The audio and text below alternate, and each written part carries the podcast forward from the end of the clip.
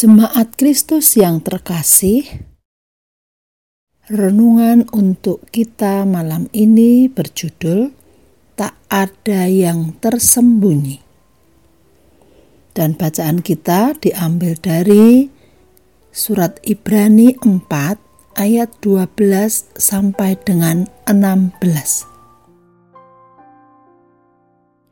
Beginilah firman Tuhan. Sebab firman Allah hidup dan kuat dan lebih tajam daripada pedang bermata dua mana pun. Ia menusuk amat dalam sampai memisahkan jiwa dan roh, sendi-sendi dan sungsum.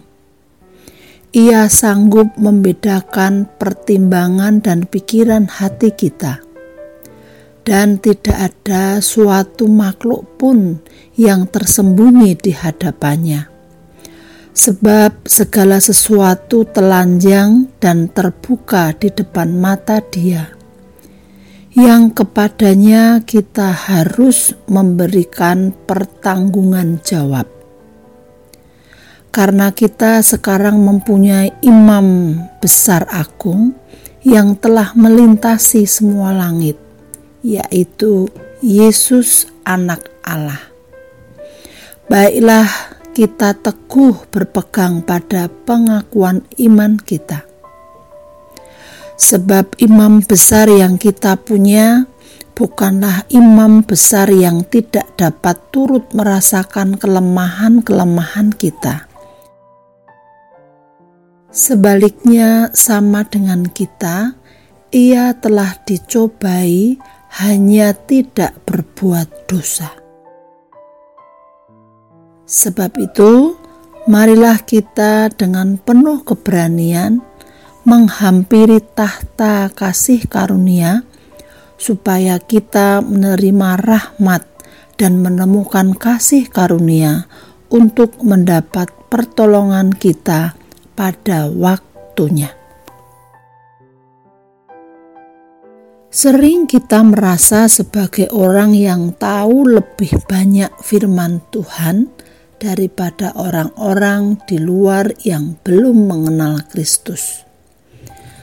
Celakanya, saat kita merasa demikian, bukannya kita semakin rendah hati dan tunduk pada firman Allah, malah kita menggunakan firman Allah untuk menyalahkan dan menghakimi orang dari orang lain tanpa merasa kita pun juga diubahkan oleh firman Allah. Bila kita mengalami ini, sebenarnya kita sendiri yang rugi karena tidak sadar dengan kekuatan firman Allah untuk mengubahkan kehidupan kita. Firman Allah dalam bacaan kita digambarkan seperti pedang bermata dua, yang berarti tidak hanya berdampak pada satu sisi atau satu bagian.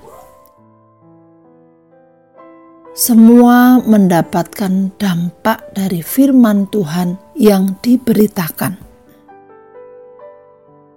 Terlebih lagi, tak ada yang tersembunyi di hadapan Allah oleh karena itu, kita tidak bisa dan tidak perlu berbohong di hadapan Allah, karena itu semua sia-sia. Namun demikian, karena Kristus, kita mampu untuk belajar dan memahami firman Allah dengan benar. Kristus, yang adalah Firman, telah menjadi daging, sama seperti kita hanya saja tidak berdosa, telah menunjukkan teladan tentang bagaimana seharusnya kita hidup. Kehadirannya sungguh dekat dan terjangkau oleh kita yang lemah ini. Allah dalam pribadi Kristus telah menunjukkan bela rasa kepada kita, karenanya marilah kita hidup dalam terang firman Allah dan selalu hiduplah dekat dan dengar-dengaran dengan firman Allah. Roh Kudus akan senantiasa memampukan kita untuk terus menghadap kepada Allah melalui Kristus dan hidup dalam anugerah keselamatan. Jadikan Kristus sebagai terang hidupmu, berjalanlah bersama Ia, berada di dekatnya membuat kita tidak takut pada kelemahan, karena Kristus pun menyatakan kasihnya melalui jalan penderitaan.